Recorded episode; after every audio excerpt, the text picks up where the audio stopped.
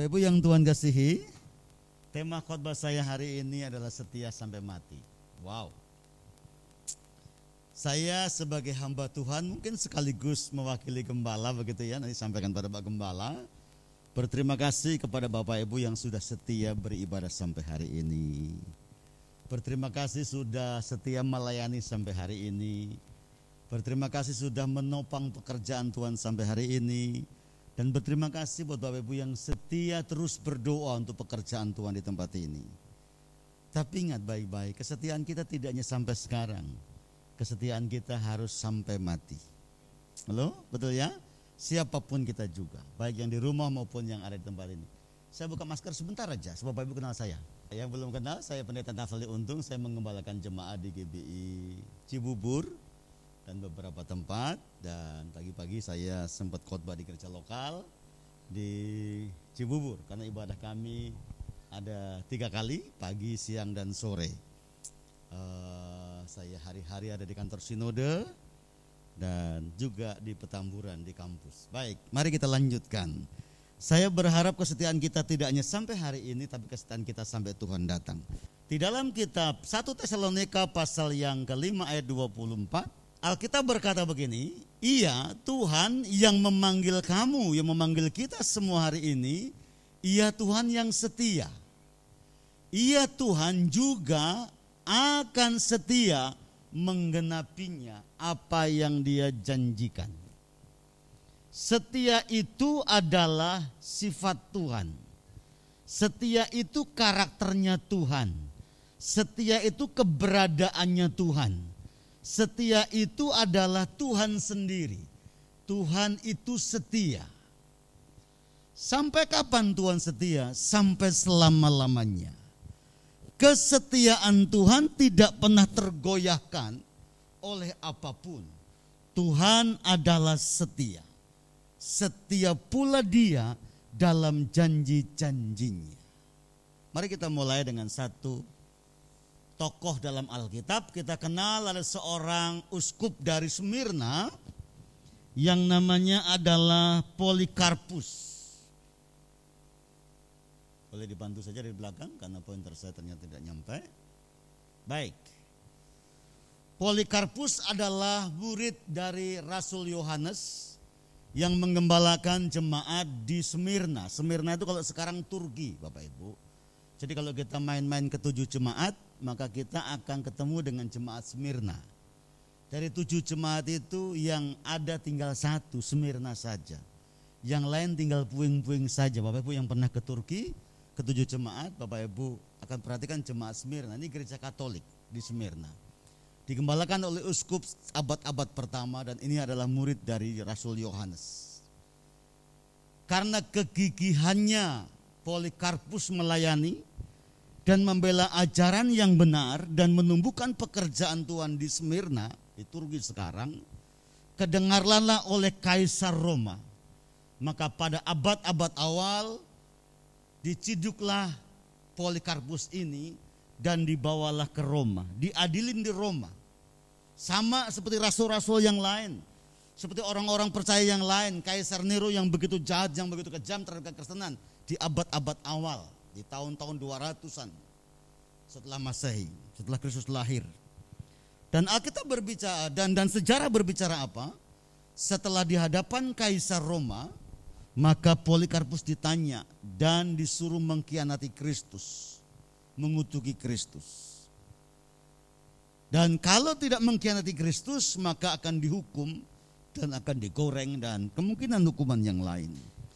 Tapi perhatikan pada waktu kaisar bertanya kepada Polikarpus, maka Polikarpus berkata begini, Aku telah melayani Kristusku selama 86 tahun lamanya namun belum pernah sekalipun Kristus berbuat jahat padaku. Bagaimana aku dapat mengutuki Kristus juru selamatku? Polikarpus berkata di depan kaisar Roma dan akan diperhadapkan oleh sebuah kematian untuk menyangkalinya. Perhatikan baik-baik. Enggak mungkin aku menyangkali Yesusku. yang kulayani selama 86 tahun. Dia tidak pernah berbuat jahat padaku, dia baik. Dia yang memilih aku menyelamatkan aku, mempercayakan kepada aku pekerjaannya yang hebat. Oleh dia aku diselamatkan. Mana mungkin aku mengkhianati Tuhanku. Akhirnya Polikarpus mati. Dan dibakar, digoreng. Resiko sebuah pelayanan. Pelayanan itu tidak hanya berkat, Pelayanan juga bicara tentang salib. Kesetiaannya teruji sampai mati. Bapak Ibu boleh baca para rasul, kisah para rasul di dalam buku-buku sejarah gereja sama. Para rasul itu rata-rata bahkan semua itu mati sahid. Mati karena Kristus. Sampai pada akhirnya mati karena Kristus. Itu yang disebut setia sampai akhir. Nah mari kita melihat apa itu setia. Mari kita lihat klik berikutnya. Setia dalam bahasa teologisnya artinya adalah keteguhan hati. Setia itu artinya hatinya teguh dalam pengiringan akan Tuhan. Tidak gampang lemah, tidak gampang bimbang, tidak gampang tergoyahkan. Sekalipun tantangannya hebat, tetap teguh itu namanya setia. Setia dalam bahasa teologisnya adalah taat. Satu hari Petrus diperhadapkan kepada mahkamah agama dan disuruh berhenti mengajar tentang Kristus Yerusalem. Petrus berkata, "Saya harus lebih taat kepada Allah daripada kepada kamu-kamu ini semua." Mari kita paham. Setia itu bicara ketaatan. Kristus taat sampai mati. Jadi kalau namanya orang setia itu disertai sebuah ketaatan. Tidak mungkin orang setia tidak taat, tetapi orang yang taat dalam kesetiaan itu menunjukkan dia adalah setia. Di dalam bahasa teologianya tidak hanya keteguhan hati dan ketaatan dapat dipercaya. Orang yang setia itu dapat dipercaya. Jadi kalau kita setia ke gereja, setia melayani, artinya kita bisa dipercaya. Istri percaya, istri taat sama, istri setia sama suami, itu artinya istrinya dapat dipercaya. Demikian juga sebaliknya, suami taat kepada istri, dapat dipercaya oleh istri, itu artinya tanda sebuah kesetiaan. Kesetiaan artinya adalah taat kepada segala perintah. Dan kesetiaan juga adalah nilai kerajaan Allah. Mari kita paham. Jadi saudara, yang namanya kesetiaan itu ketabahan hati. Kesetiaan itu berbicara tentang yang namanya ketaatan. Kesetiaan itu bicara tentang kepercayaan dapat dipercaya dan ketaatan juga berbicara tentang ketaatan dalam perintah menjalankan sebuah kehidupan. Ketaatan juga berbicara tentang nilai-nilai kerajaan Allah. Oke, sampai sini paham ya? Jadi namanya kesetiaan itu Bapak Ibu bukan sembarangan nilainya sangat besar. Karena kesetiaan itu adalah pribadinya Allah. Mari kita lihat selanjutnya. Setia itu adalah sifatnya Allah. Setia itu adalah hidupnya Allah, keberadaannya Allah dan setia itu sifatnya kekal dan tidak pernah berubah oleh apa pun juga. Beda dengan kesetiaan kita. Kesetiaan kita kadang-kadang berubah sewaktu-waktu oleh situasi dan keadaan. Tetapi yang namanya Allah tidak pernah lupa menempati janjinya, setia akan janjinya, dia setia akan pekerjaannya. Allah adalah Allah yang kekal dan sifatnya adalah kekal. Mari kita paham. Jadi gini Bapak Ibu, mari perhatikan saya. Alkitab berkata begini, manusia itu diciptakan menurut gambar dan rupanya Allah. Dalam ciptaan Allah, bagi manusia ada emagode, ada karakter, ada kepribadian, ada sifat ilahi dalam diri manusia.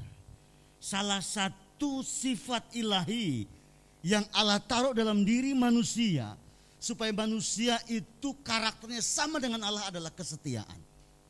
Mari kita paham.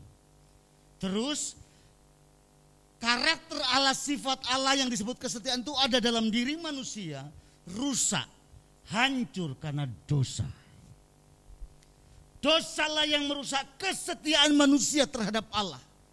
Itulah sebabnya karena dosa hati manusia tidak lagi setia kepada Allah. Dia mulai mengingkari janjinya kepada Allah. Mulai setia kepada ilah lain. Mulai setia kepada hal yang lain. Enggak fokus kepada Allah kesetiaannya. Karena dirusak oleh dosa. Paham sampai sini? Itulah sebabnya Kristus datang. Ngapain? Mengampuni dosa. Memulihkan karakter kesetiaan itu dalam hidup kita. Harusnya karakternya Allah dalam diri kita yang rusak oleh dosa dan ditebus oleh Kristus harusnya kesetiaan kita sudah dipulihkan. Harusnya begitu. Bukan kesetiaan kita karena kekuatan kita, tapi karena dari dalam diri kita ada kesetiaan Allah, ada benih ilahi yang sudah dipulihkan. Kesetiaan saya hari ini adalah kesetiaan yang sudah rusak tapi sudah dipulihkan dalam hidup saya. Ini contoh lagi. Allah itu adalah kasih, betul? Allah adalah kasih. Allah kasih, karakternya Allah, sifatnya Allah adalah kasih. Pada waktu Allah menciptakan manusia, maka dalam diri manusia ada gambar Allah, ada karakter Allah, ada sifat Allah yang namanya kasih. Makanya manusia itu cenderung mengasihi. Itu sifatnya Allah. Paham ya? Tapi karena dosa yang merusak karakternya Allah kasih itu, maka orang mulai egois. Sulit mengasihi. Kalau mengasihi harus ada sesuatu yang didapatkan.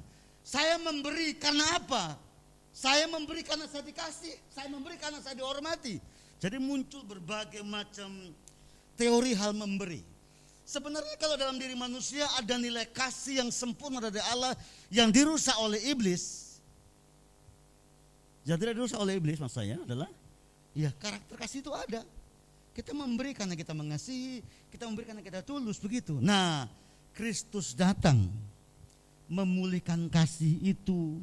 Di dalam kitab 1 Yohanes pasal yang kelima dibilang begini, kamu telah dilahirkan oleh benih ilahi di dalam Kristus. Apa yang telah dirusak oleh dosa, baik itu kesetiaan, baik itu kasih, sudah dipulihkan. Harusnya kesetiaan kita ini harusnya, harusnya dalam diri kita, harus yang kita pakai adalah kesetiaan yang sudah dipulihkan oleh Allah. Harusnya begitu. Bukan kesetiaan karena situasional. Bukan kesetiaan karena saya suka tidak suka. Kesetiaan itu adalah karakter gambarnya Allah dalam diri kita masing-masing.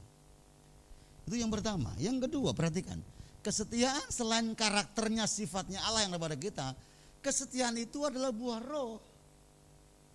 Saya terima Kristus, saya bertobat, saya lahir baru, saya dipenuhi roh kudus, kalau saya intim dengan Kristus dan dipenuhi Roh Kudus, maka yang aku keluarkan, yang aku munculkan adalah buah-buah roh.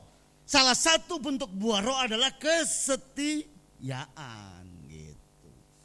Jadi dengar ya, kesetiaan itu bukan produk dunia, bukan. Kesetiaan itu bukan produk pabrik, bukan produk dunia. Kesetiaan itu produknya Allah, pribadinya Allah. Dan kalau kita berbuah roh dan berbuah kesetiaan, itu karena pekerjaan Roh Kudus dalam diri kita. Dan itu Tuhan mau ada dalam diri diri kita. Paham? Jadi yang namanya kesetiaan adalah pribadi Allah dalam diri kita. Kesetiaan adalah buah-buah roh. Ada berapa buah roh? Se? Sembilan. Salah satunya apa? Kesetiaan. Yang ketiga, Amsal berkata, pengkhotbah berkata, uh, Maksud saya Salomo berkata adalah kesetiaan itu adalah tanda ciri khas orang percaya. Di dalam kitab Amsal pasal 3 ayat 3 dan 4, hendaklah kasih dan setia itu menjadi tanda orang percaya dan dikalungkan di leher ini. Ya, saudara, yang biasa pakai kalung itu wanita atau pria? Hah? Yang biasa wanita. Tanda dari seorang wanita biasanya pakai kalung, walaupun ada juga pria yang pakai kalung, tidak apa-apa, nggak dilarang juga. Orang bencong aja pakai kalung. Saya kemarin tanggal 27 September, eh 27 Agustus saya ke Jogja. Anak saya yang kedua wisuda. Kami jalan-jalan di Malioboro, ada kesempatan. Ada bencong gemuk, alisnya apa, bulu matanya panjang melingkar ke atas, menor bedakannya, bawa kecek-kecek sama kendang, kalungnya banyak di sini. Ebrek ebrek ebrek, ebrek ebrek ebrek ebrek, gitu saudara ya. Ada orang bule difotoin Indonesia nih, Indonesia nih. Pakai kalung. Apakah dia tanda wanita? Nah juga orang dipencong, gitu ya. Tapi kembali kepada yang saya maksudkan. Tuhan bilang begini, mempelai wanita, mempelai Kristus wanita ditandai dengan sal, tadi dengan kalung. Dan kalungnya itu adalah kasih dan setia. Yang namanya kesetiaan itu ciri khas tanda gereja Tuhan sebagai mempelai Kristus. Sebegitu dipahami. Jadi kalau orang menandai saya orang Kristen hanya dua, kasih dan setia agama di Indonesia ini ada enam.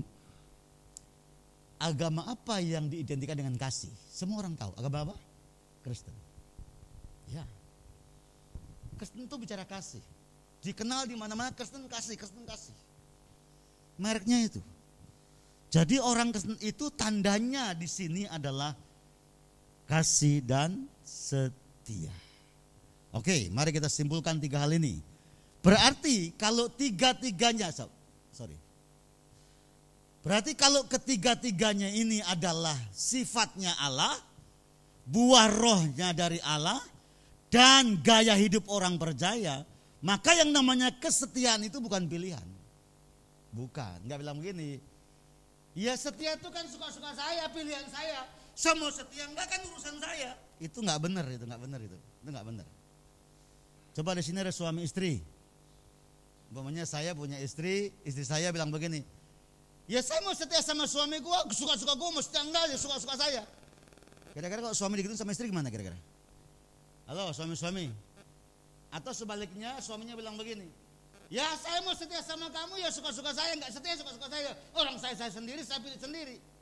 Kira-kira istri kalau gitu gimana?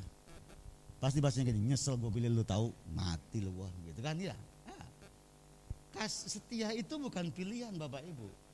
Ya suka-suka saya om, mau suka ke gereja, setia gereja kan itu suka saya om. Suka-suka saya dong setia melayani kan suka-suka saya. Itu tidak benar. Bahasa itu bahasa yang tidak benar. Mau saudara cari dalih ke mana pun itu bahasa tidak benar.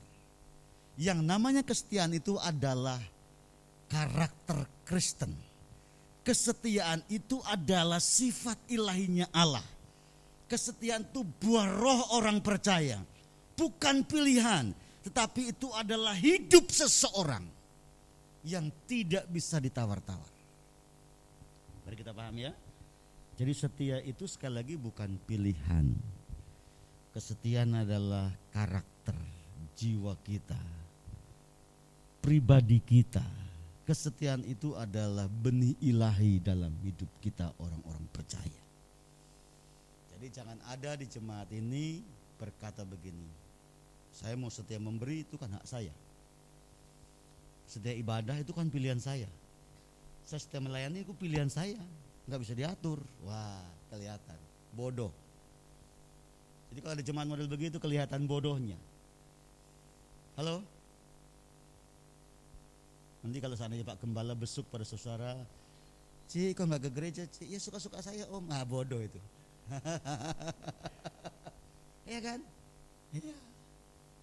Saudara, sebenarnya kalau mau jujur ya, kalau mau jujur ya, orang itu ke gereja nggak usah dibesukin sebenarnya. Sebenarnya, kalau dia punya spirit buah keseti, kesetiaan gitu loh. Naluri itu ada, nggak usah didorong-dorong ke gereja, nggak usah didorong-dorong melayani, kesetiaan itu sudah ada karena itu benih ilahi. Benih ilahi itu kalau ada dalam hidup kita, itu buat dalam hidup kita, tanda kita orang percaya, dengan sendirinya dia akan bekerja, nggak usah didorong-dorong, itu kesetiaan gitu. Mari kita pahami. Itu sebabnya ada satu lagu lama, setia setialah, setia sampai mati, betul? Iya. Contohnya siapa? Seperti Tuhan Yesus setia sampai mati. Setia Pak Bu. Kapan? Bukan pada waktu kita butuh Tuhan kita setia. Dan waktu kita nggak butuh Tuhan kita nggak setia. Bukan. Setia terus. Komitmen setia tiap hari, tiap saat ada tantangan dan tidak. Tetap setia sampai mati. Itu nilainya. Kalau kesetiaan pilihan Bapak Ibu, maka kita nggak perlu nyanyi setia sampai mati. Tapi karena kesetiaan itu adalah karakter sifatnya Allah yang ada dalam diri manusia, maka kesetiaan itu sama dengan kesetiaan Allah. Setia sampai mati. Oke. Biasanya kalau khotbah di situasi Covid nggak lama ya. Setengah jam selesai ya Bu ya. Di saya juga begitu Bapak Ibu. Baik, lanjutkan. Inilah orang-orang yang setia dengan segala berkatnya. Ini contoh orang-orang yang setia dengan segala berkat. Yang pertama, ada Abraham. Abraham ini tidak hanya bapak beriman, tapi Abraham bapak orang yang setia. Dipanggil Tuhan dari Urkasdim dia setia. Tuhan suruh ke Ae dia setia, ikuti ketaatan. Suruh Tuhan pindah ke Betel dia setia. Suruh Tuhan pindah ke Mesir dia setia. Setia dan taat, setia dan taat. Dikerjakan terus disuruh kasih anaknya dikorbankan, dia setia dan taat. Pada akhirnya apa? Dari Abraham muncul sebuah bangsa yang besar dan diberkati oleh Bapa di sorga. Dengar ini penting. Abraham itu dipanggil oleh Tuhan untuk melahirkan sebuah bangsa. Ini Abraham. Ya, jelas ya. Abraham suami istri pada akhirnya punya anak Ishak dan lainnya, punya anak Yakub, Yusuf dan 76 orang tinggal di Gosen setelah 400 tahun lebih menjadi 2 juta lebih bangsa yang besar keluar dari Mesir.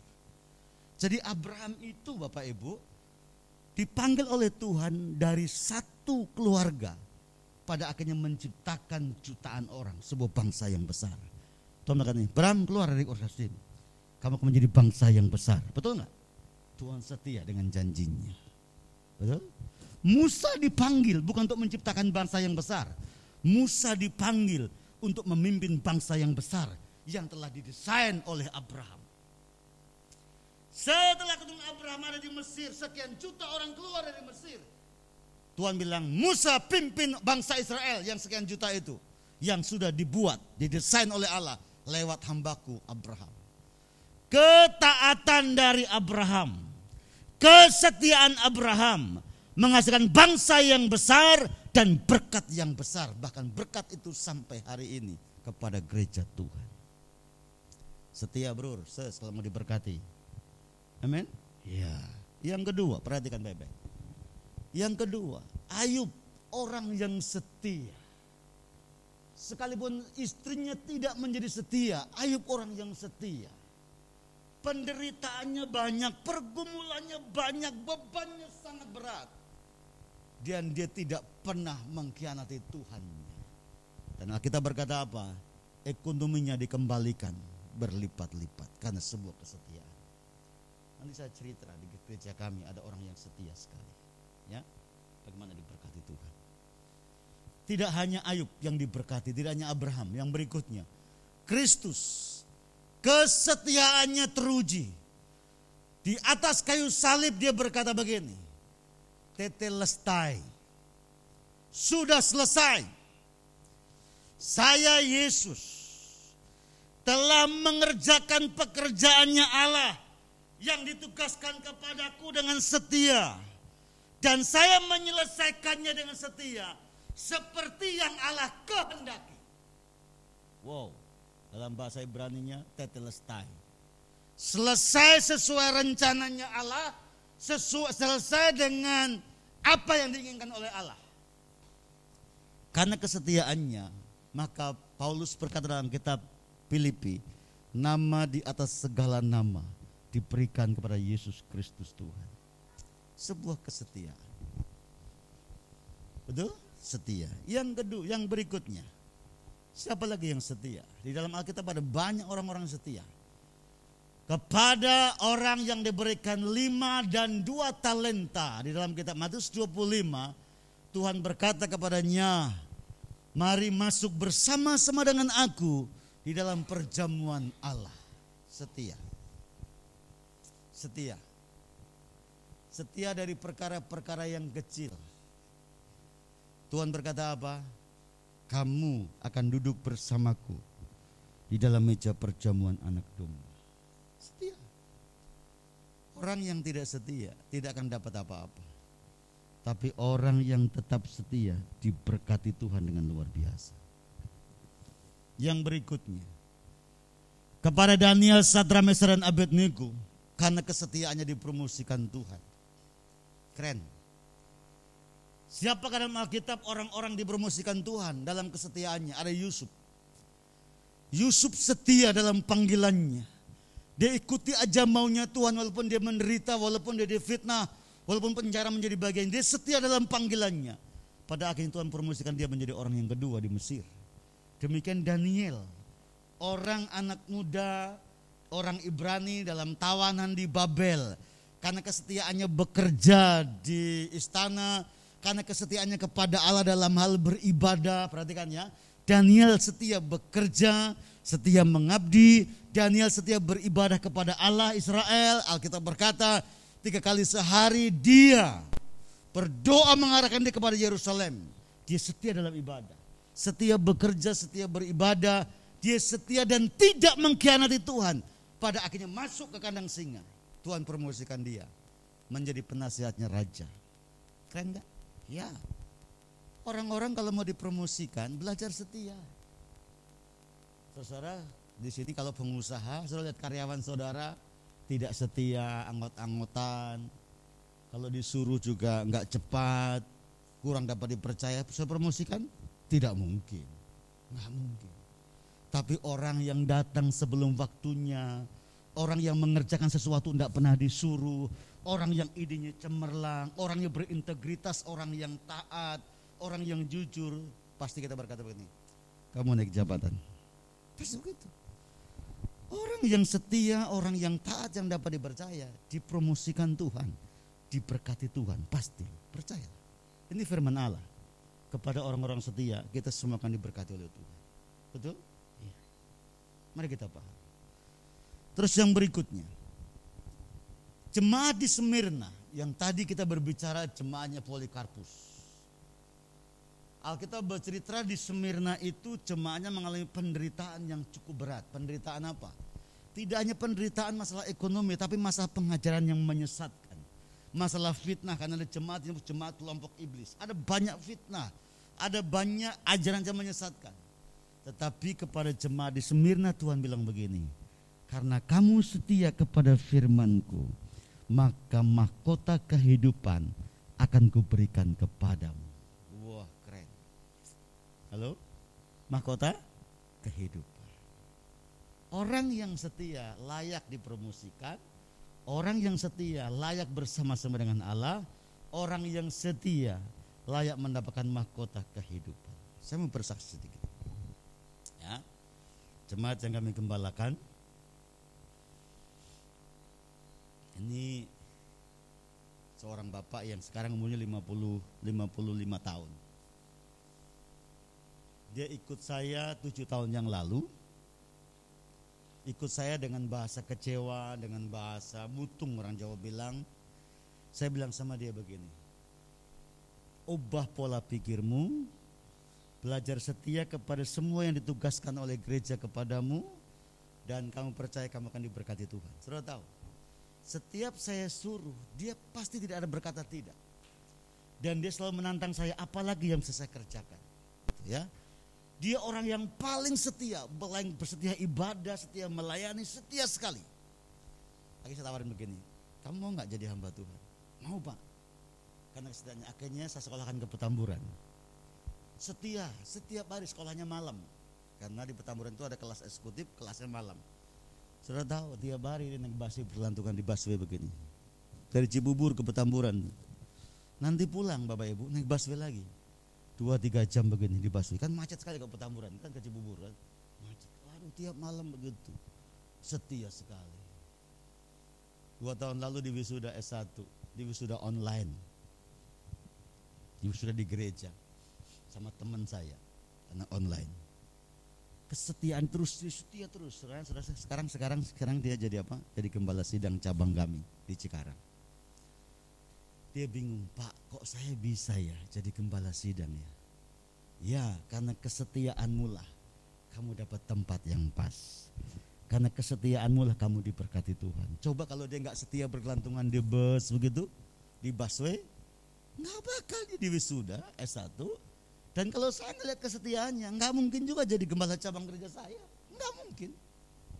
Orang yang setia itu wajar dipromosikan. Alkitab mengajar seperti itu. Tetapi kalau tidak setia untuk apalah gunanya? Untuk apalah kita punya para pelayan, para membuat Tuhan di gereja ini kalau nggak punya rasa setia itu. Saya berdoa berharap gereja ini tidak mendorong-dorong orang untuk setia melayani. Tapi kesetiaan itu memang muncul dari dalam diri pribadi dia. Saya melayani karena saya itu memang punya darah daging. Punya benih ilahi. Namanya kesetiaan. Amin? Ya. Yang terakhir. Pernah dengar kisah ini kan Bapak Ibu? Saya ulangi sekali lagi. Sekitar tahun 1800-an, abad 19, gereja berkembang dengan dahsyat setelah reformasi itu di Eropa.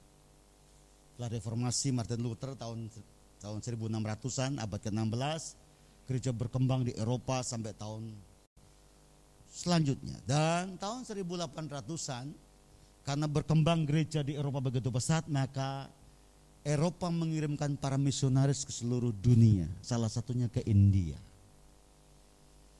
Nah, para misionaris Eropa sampai ke India, dia pergi ke desa-desa, bukan di kota-kota saja. Misionaris sekarang kerja di kota, dia ke kampung-kampung, ke suku-suku yang tidak terjangkau, di pedalaman-pedalaman, pada suku-suku asli orang pribumi. Makanya soal satu keluarga yang bernama Nokseng, yang ada di suku Garo di Assam di India bagian timur di Laut Timur satu suku ini salah satu keluarganya kenal Kristus karena seorang misi misionaris karena dia kenal Kristus artinya meninggalkan penyembahan yang lama kepercayaan yang lama dan budaya yang ada hubungannya dengan kuasa gelap suku Garo ini Bapak Ibu ini suku yang memang kanibal suku Garo ini suku yang kanibal artinya begini dia makan orang.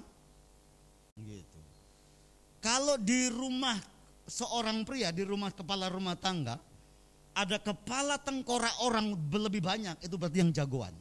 Semakin banyak kepala orang di rumah seseorang, berarti dia jagoan. Nah, satu hari karena Noksen ini percaya Kristus, Kristus, maka kepala suku dan beberapa orang datang ke rumah dan berkata Noksen, kenapa kamu percaya dan tinggalkan agama kita? Noksen berkata, aku memilih agama ini karena ini yang benar dibanding agama kita. Kepala suku dan masyarakat banyak itu berkata begini, kalau kamu tidak mengkhianati Kristusmu, Tuhanmu, kamu saya bunuh dua anak kamu.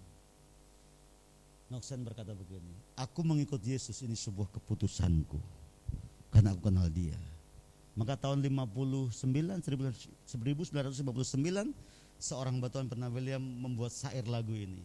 Mengikut Yesus keputusanku mengikut Yesus keputusanku betul mengikut Yesus keputusanku ku tak ingkar ku tak ingkar. Anaknya mati. Dua anaknya mati. Kepala suku berkata begini. Kalau kamu tetap tidak menyangkal, istrimu saya bunuh. Walau sendiri ku ikut dia. Walau sendiri ku ikut dia. Walau sendiri ku ikut dia Ku tak ingkar, ku tak ingkar. Dua anaknya meninggal, satu istri meninggal. Sekarang tinggal Noksan sendiri. Sekarang giliran kamu kata, kata kepala suku. Kalau kamu tidak mengingkari Yesus, kamu saya bunuh sama dengan istri dan anakmu. Dia berkata begini, saya tidak akan mengingkari Kristus. Salib di depan, dunia di belakang Salib di depan, dunia di belakang. Salib di depan, dunia di belakang. Ku tak ingkar, ku tak ingkar. Halo? Lagu ini munculnya karena orang India ini, Nokset. Mati karena Kristus. Bapak Ibu yang Tuhan kasih dengar ya. Kita tidak setia atau kurang setia bukan karena peso di leher. Tantangan kita bukan tombak. Di Indonesia ini gereja enak Pak Bu. Kita beribadah buat gereja tidak terlalu sulit. Tidak ada orang ke gereja dicegat dengan parang, tidak ada. Indonesia ini enak. Tapi Indonesia enak juga kita nggak setia Pak Bu. Kita tidak setia bukan karena tantangan parang, tantangan pedang, tantangan dilarang oleh pemerintah, bukan. Kita nggak setia karena kita memanjakan daging kita. Karena kita ego, karena kita malas. Karena kita mulai menghargai pelayanan. Karena kita mulai hitung-hitungan dengan Tuhan. Tuh. Kalau butuh Tuhan aku setia. Kalau aku diberkati nanti dulu Tuhan. Ya. Wani piro ikut Tuhan. Nah mulai itu. Ah, gitu. Kalau saya sembuh ikut Tuhan, masih sakit ini. Aduh saya males nih, lagi capek melayani Tuhan. Tadi pagi saya sedikit sedikit sedikit sedikit uh, keras sama anak dan pengerja saya di rumah. Saya kan setiap hari bangun jam 4, setengah 5 Bapak Ibu ya. Saya tunggu-tunggu anak dan pengerja saya sedang mbak di rumah di lantai 2. Jam 5 lewat belum bangun. Saya bilang, eh bangun, bangun, bangun, bangun, bangun. Kerja dulu baru mandi, baru ke gereja. Kenapa bangun siang? Aduh, papanya nggak ngerti anak saya bilang. Anak saya bilang begini, papa nggak ngerti kok saya capek. Nah, semua capek.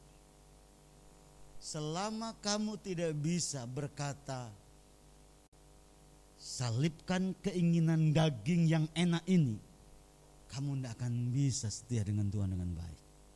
Seringkali mohon maaf ya, kita ini nggak setia karena memanjakan daging kita. Kebaktian, ah nantilah, aduh